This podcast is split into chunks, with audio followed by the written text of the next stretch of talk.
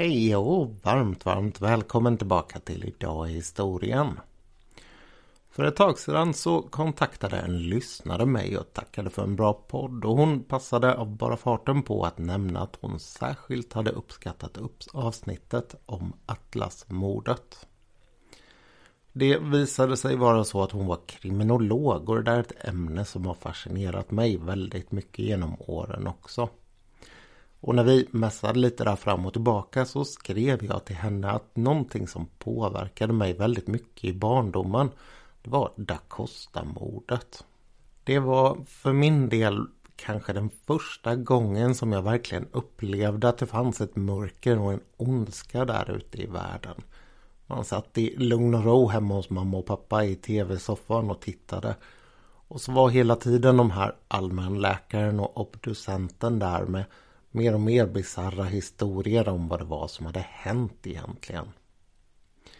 Den här lyssnaren hon nämnde att för hennes del så hade samma upplevelse kommit med Helenmordet några år senare. En flicka som både åldersmässigt och geografiskt fanns ganska nära den här tjejen som hörde av sig till mig. Och jag tror att det är många som har den här typen av upplevelser kopplade till något brott som skedde under en viss period i barndomen. Idag så ska vi be oss tillbaka till Kalifornien på tidigt 1970-tal och det var en tid när det gavs väldigt många exempel på våld av den här typen.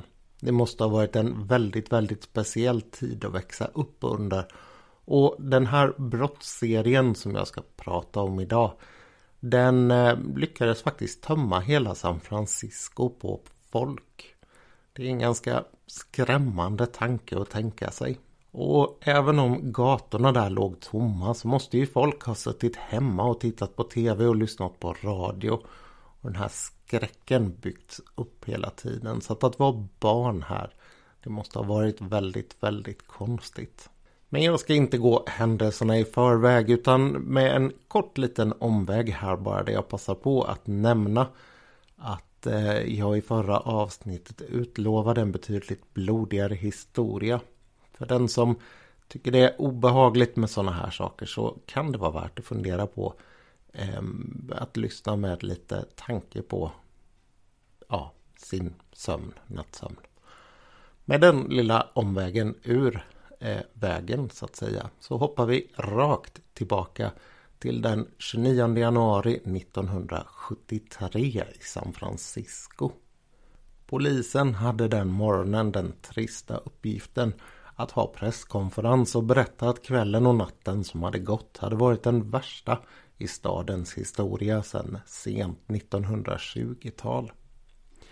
Då var det en taxichaufför som hade blivit lite galen och börjat skjuta en massa folk. Men den här gången så var det något helt annat som hade hänt. Det hade varit fyra mord och eh, en skadeskjutning den här natten som allihopa hörde ihop. Först så hade sekreteraren Tanna Smith, 32 år gammal, som var på väg för att köpa sig lite tyg. Hon hade gått ner en hel del i vikt och hon ville fira med att sy sig en ny klänning. Hon hade blivit skjuten bakifrån i en korsning där hon hade stannat på väg till den här affären och dött på gatan där hon föll. Tio minuter senare så hade den 69-årige Vincent Wollin blivit skjuten. Han var en pensionär från kustbevakningen och det var faktiskt på hans födelsedag som han blev skjuten. Han hade varit på väg hem efter att ha tittat på solnedgången över Golden Gate Bridge och blivit skjuten precis som Tärna i ryggen. En kvart efter att han blev skjuten så var det faktiskt en hel del vittnen som såg John Bambidge bli skjuten. Det var en 84-årig man som mer eller mindre såg ut som en uteliggare och betedde sig som en. Men han hade faktiskt en fast bostad. När han stod böjd ner i en papperskorg eller soptunna och rotade efter lite saker av värde där så var det någon som gick fram och sköt honom i ryggen. Bambidge vände sig om och fick tag i halsen på mannen som sköt honom och började skrika till honom. Ett kort slagsmål utbröt tills Bambridge inte orkade längre och sjönk ihop död på gatan. och den andra mannen sprang iväg. Lite senare så stod Jane Holly inne på en sån här typisk amerikansk tvättinrättning. Hon hade varit där och tvättat medan hennes man var iväg på ett frimurarmöte. Och hon hade suttit i lugn och ro och läst tidningen ihop med mannen som satt bredvid henne. De hade tagit varsin del och när hon var klar med sin och tvätten var klar så ställde hon sig och plockade ur. När hon stod böjd in i en tumlare så kom det in en man och sköt henne i ryggen och hon sjönk ihop och dog på platsen. En stund senare så dök hennes man upp där. Han hade kommit hem och undrat varför frun ännu inte var hemma och bestämt sig för att gå ner och hjälpa henne med tvätten. Det blev ingen 25 bröllopsdag för dem några månader senare. Ytterligare en stund senare så stod Roxanne Macmillan, 23 år gammal, utanför sin bil och höll på att plocka med flyttkartonger. Hon hade precis flyttat ihop med sin man och deras fyra månaders bebis till San Francisco. Och när hon skulle bära in de sista flyttgrejerna så dök det upp en man bakom henne, sa hello och sköt henne. Två kulor de träffade och den ena den skadade hennes ryggrad. Hon överlevde men hon skulle bli rullstolsbunden för resten av livet. Till synes så är det väldigt lite som knyter samman de här brotten. Det är alla möjliga olika åldrar på offren, det är olika kön och de är helt olika sociala grupper i sin tillhörighet. Men alla i hela San Francisco visste precis vad det var som hände här. Och för polisens del så växte frustrationen ytterligare. Det hade nämligen redan tidigare under hösten skett en våg av precis likadana skjutningar. Och när man listade ut vad det var som knöt ihop dem så hade det gått en chock genom staden. Det var nämligen unga svarta män som sköt vita människor. Helt och hållet oprovocerat, rakt upp och ner på gatan så gick de fram, sköt och sen sprang därifrån. Det här hade man räknat ut dels därför att våldet var så pass annorlunda men också för att det fanns kulor och tomhylsor kvar på platserna. En märklig detalj i sammanhanget var att mördarna nästan alltid var väldigt artiga mot sitt offer precis innan de sköt. Nu, precis som efter den förra gången, så började polisen med en stor närvaro ut på gatorna. Gatorna de tömdes rent generellt som jag sa tidigare och när folk var tvungna att göra någonting ute i offentligheten så rörde man sig helst i grupp. De turister som annars var en vanlig del av stadslivet i San Francisco de hade för länge sedan slutat komma. Hela USA visste om att det här pågick och det fanns ingen som helst anledning att utsätta sig för risken att åka till staden. Och eftersom polisen inte hade någonting att gå på så fick man börja famla bäst man kunde i mörkret. Man utlovade anonymitet till den som kunde komma med något tips som var avgörande för fallet. Man hade också ordnat en särskild radiofrekvens som bara skulle användas för tips som gällde de här sortens brott. Den frekvensen, det blev Z-frekvensen och det läses ju på engelska ut som zebra. Vilket gör att man började prata om zebramorden. I pressen så började man nu skriva om att det här var någon form av gängbildning bland svarta. Där man hade en initieringsrit som gick ut på att skjuta vita. Och det var den nyheten som rullades ut över hela USA. När den första vågen av den här brottsligheten hade börjat i mitten, slutet av oktober så hade man inte förstått vad det var som hände på ett tag. Först var det det äkta paret Richard och Quita Haig som hade attackerats medan de var ute på en kvällspromenad. Till skillnad från de andra i den här serien av mord så hade de attackerats med en machete. Precis efter det, tio dagar ungefär, så angreps Francis Rose och sköts till döds. Ungefär tio dagar senare återigen så var det en man som hette Robert Stockman som anfölls med pistol. Han lyckades efter ett nästan filmartat slagsmål mot den här mannen som angrep honom få tag i hans pistol och skjuta honom och sen fly själv. Båda två överlevde och den här mannen han skulle senare skylla på Stockman att det var han som hade börjat det hela. Men det slutade med att han blev fälld helt utan dock att berätta varför han hade gjort det. Två veckor senare så hade Salim Erakat blivit skjuten i sitt snabbköp mitt inne i San Franciscos centrum. Lite senare så hade en politiker på väg upp, en man som senare skulle bli borgmästare i San Francisco, Art Agnos, blivit skjuten efter ett möte. Han överlevde men han hade fått punkterad njure, lungor och mjälten förstörd. Samma dag så sköts Marietta di Girolamo till döds. En eh, dryg vecka senare så sköts Angela Roselli men överlevde.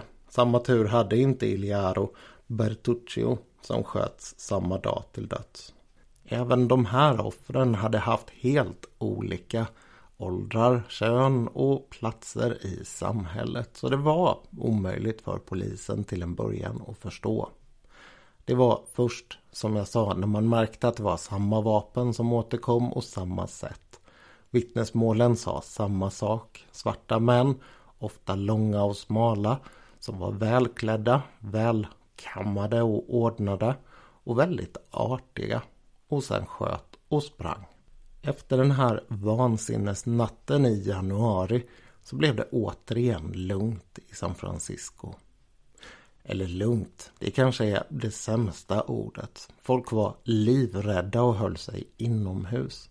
Men sakta men säkert så började folk slappna av och återgå till ett mera normalt liv. Precis som för oss med den här pandemin. Polisen som hade jobbat för högtryck med att försöka komma fram till någonting nytt. De gav sig på ett helt nytt grepp. Man skulle starta vad man kallade för Operation Zebra. Och den innebar att man skulle stanna alla svarta unga män man såg, förhöra dem och prata med dem ifall de kände till någonting om de här morden. Efter att man hade blivit kollad på det där sättet så skulle man få ett Zebra Check Card. Alltså ett kort att man var Zebra-kontrollerad. Det här kortet det skulle man senare kunna visa upp om man blev stoppad för polisen igen och på så vis så skulle man slippa att ha den här otrevligheten två gånger. Under den första helgen som det här programmet var i bruk så stoppades ungefär 500 unga män, visiterades, förhördes och fick sitt kort. Kritiken blev stenhård från grupper som höll hårt på medborgarrätt och svartas intressen. Bland dem så märktes NAACP, alltså National Association for the Advancement of Colored People ungefär det nationella förbundet för hjälp för färgade. Liksom av ACLU, American Civil Liberties Union, alltså det amerikanska förbundet för medborgerliga rättigheter. Båda två organisationer som finns representerade över hela USA och som har stor tyngd ända fram i våra dagar. De lyckades få Operation Zebra stoppad genom en domstol och återigen stod polisen där och visste inte riktigt vad man skulle göra. Och medan de och alla andra väntade på att det stora genombrottet skulle komma så började våldet om igen. Efter ungefär två månaders lugn så blev det en ny attack den 1 april. De två unga frälsningssoldaterna Thomas Rainwater 19 år gammal och Linda Story 21 år gammal gick ut från hemmet för frälsningssoldater där de bodde för att gå och köpa lite käk. Klockan var ungefär nio på kvällen och det var lugna kvarter. De visste att det fanns gott om andra frälsningssoldater runt omkring dem. Men när en man helt plötsligt passerade dem på gatan och snurrade runt fort så blev de rädda. Han drog upp en pistol och när de försökte springa så sköt han dem två gånger var i ryggen. Thomas han avled. Linda hon överlevde. Och ungefär 15 sekunder efter att skotten hade fallit så var de första poliserna på plats. De hade suttit i en patrullbil bara ett kvarter bort och när de hörde skotten så var det full gas till brottsplatsen. Dessvärre så hade skytten sprungit åt andra hållet och den stora jakt man inledde blev resultatlös. Det enda man kunde konstatera var att återigen så hade det varit en välklädd svart man som hade skjutit med en 32-kalibrig pistol och sen sprungit från platsen. Inga tecken på att han hade försökt råna eller på något annat sätt vinna någonting av situationen. Var det nu verkligen som polisen sa att det här gjordes bara för att initiera folk in i någon form av gäng? Skräcken den var rejält utbredd i San Francisco vid det här laget men återigen så slappnade man av efter några veckor och våldet började om. Två stycken män som stod på en busshållplats och väntade. Ward Anderson och den blott 15 år gamle Terry White sköts men klarade sig två veckor senare. Och två dagar senare så sköts den 23-årige Nelson T. Shields den fjärde till döds när han hade följt med en kompis för att köpa en matta. Han hade stått böjd in i en bil och försökt ordna lite utrymme för den där mattan när en man hade skyndat fram, dragit ut en pistol ur sin jacka, skjutit och sen sprungit därifrån. Ett mönster som var allt för vanligt. Det var dags för polisen att göra nästa radikala drag för att försöka lösa det här. I någonting som för tiden var en ganska stor nyhet så gick man ut med vad man idag skulle kalla för en fantombild. I samband med det så erbjöd man också 30 000 dollar till den som kunde komma med tips som var avgörande för att ta fast de här mördarna. Och det var en strategi som fungerade. Kort därefter så ringde en man som hette Anthony Harris och sa att han hade uppgifter som de ville ta del av. Av naturliga skäl så ville han vara så försiktig det bara gick i sitt möte med polisen och man gjorde upp att han skulle bli upplockad diskret och sen skulle man bege sig iväg till Orlando för att diskutera vad han visste. Historien han berättade för polisen var så skruvad att man inte ville tro på den. Dessvärre så kände han till så många detaljer om så många av de här morden som aldrig någonsin hade nått pressen att han måste veta vad det egentligen handlade om. De uppgifterna han lämnade de ledde till att man kunde förbereda en räd och den första maj sattes som datum för tillslaget. Den morgonen så gjordes alltså en koordinerad insats över San Francisco och man grep sammanlagt sju stycken unga svarta män. Ingen av dem gjorde något motstånd och det behövdes inte användas något särskilt våld för att få dem med sig. Senare den dagen så var det en triumferande borgmästare Joseph Alioto som kunde berätta om vad polisen hade gjort på morgonen. Han berättade om de sju gripandena och han berättade om The Death Angels, dödsänglarna. En grupp med lite lösa kopplingar till svarta muslimer till Nation of Islam. Den här gruppen de hade som uppdrag att skjuta vita jävlar eller blåögda jävlar. Och beroende på hur man dödades någon så fick man poäng utifrån ett poängsystem. De här poängen de användes senare när man skulle räkna på vad man hade för möjligheter att ta sig in i himmelen. Polisen var inte säkra men man trodde att gruppen hade varit igång så tidigt som 1970 och att man kanske kunde koppla omkring 70 mord till dem. Återigen så reagerade väldigt många svarta ledare på det här.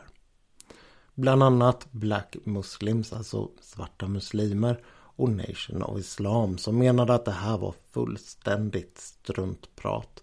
Det fanns inga grupper med kopplingar mot dem som gjorde sådana här saker.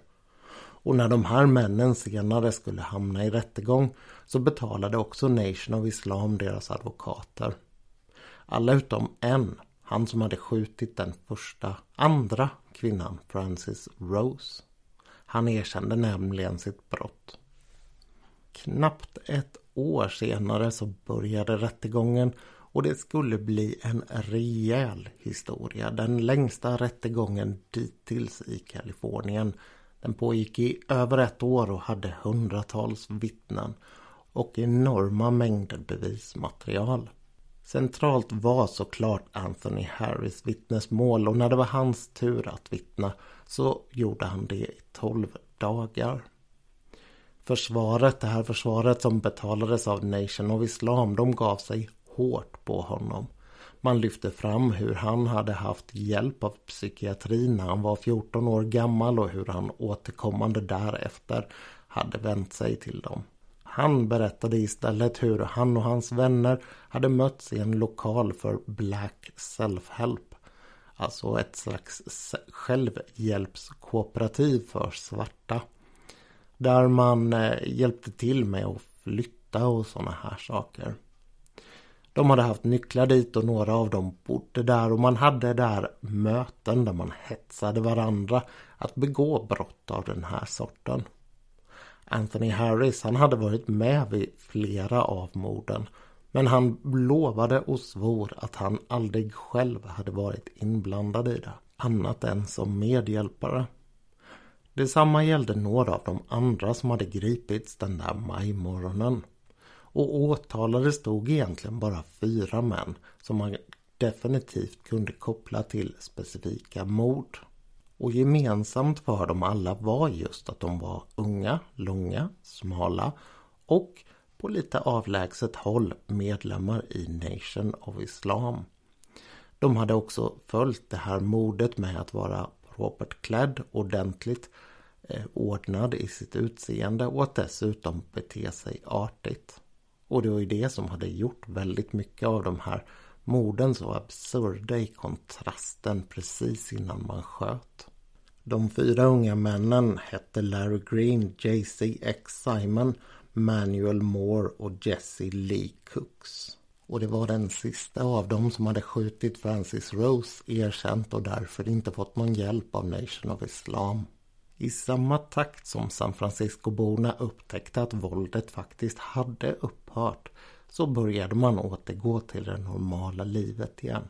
De som följde rättegången lär ha häpnat när de fick höra om hur den här lilla gruppen på allvar hade haft en ganska tydlig teori om att världen på så vis att de vita var onda jävlar som hade skapats av en galen vetenskapsman.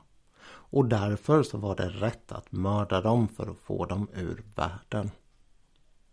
Var det verkligen det här som hade skrämt hela staden bort från gatorna?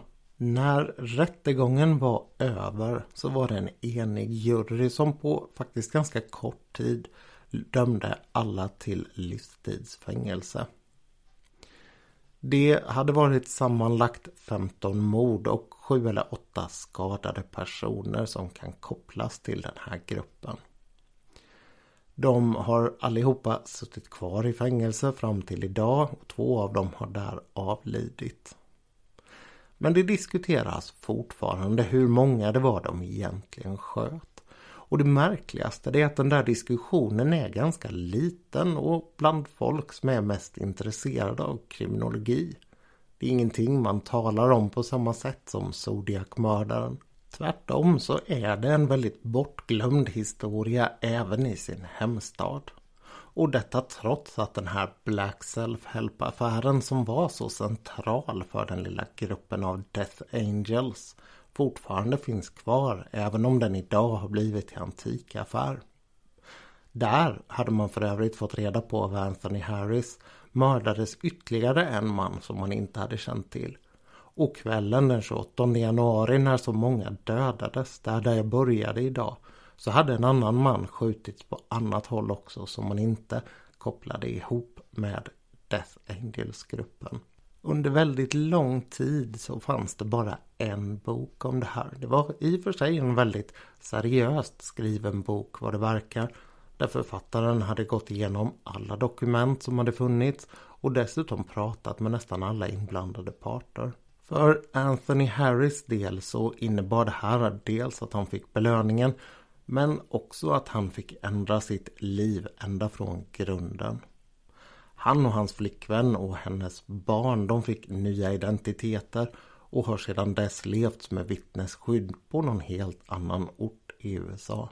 Det här är en mycket märklig historia från början till slut och det finns de som är betydligt bättre skickade än jag att komma med någon form av intellektuell kommentar till vad det är som egentligen har hänt. Kriminologi är inte mitt ämne och det är inte psykologi heller. Men jag kan ändå inte låta bli att fascineras av det här.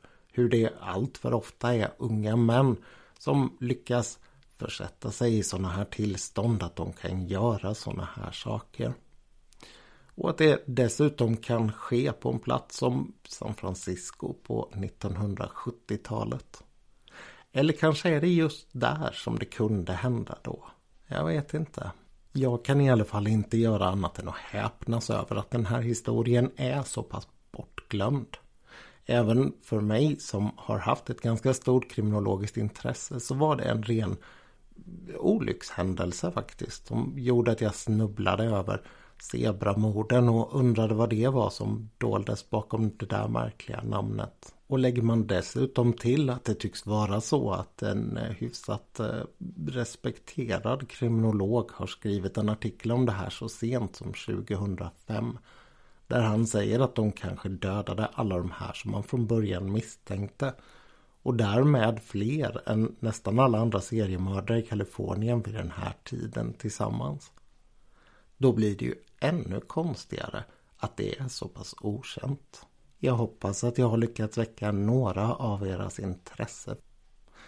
Tills nästa gång, allt gott!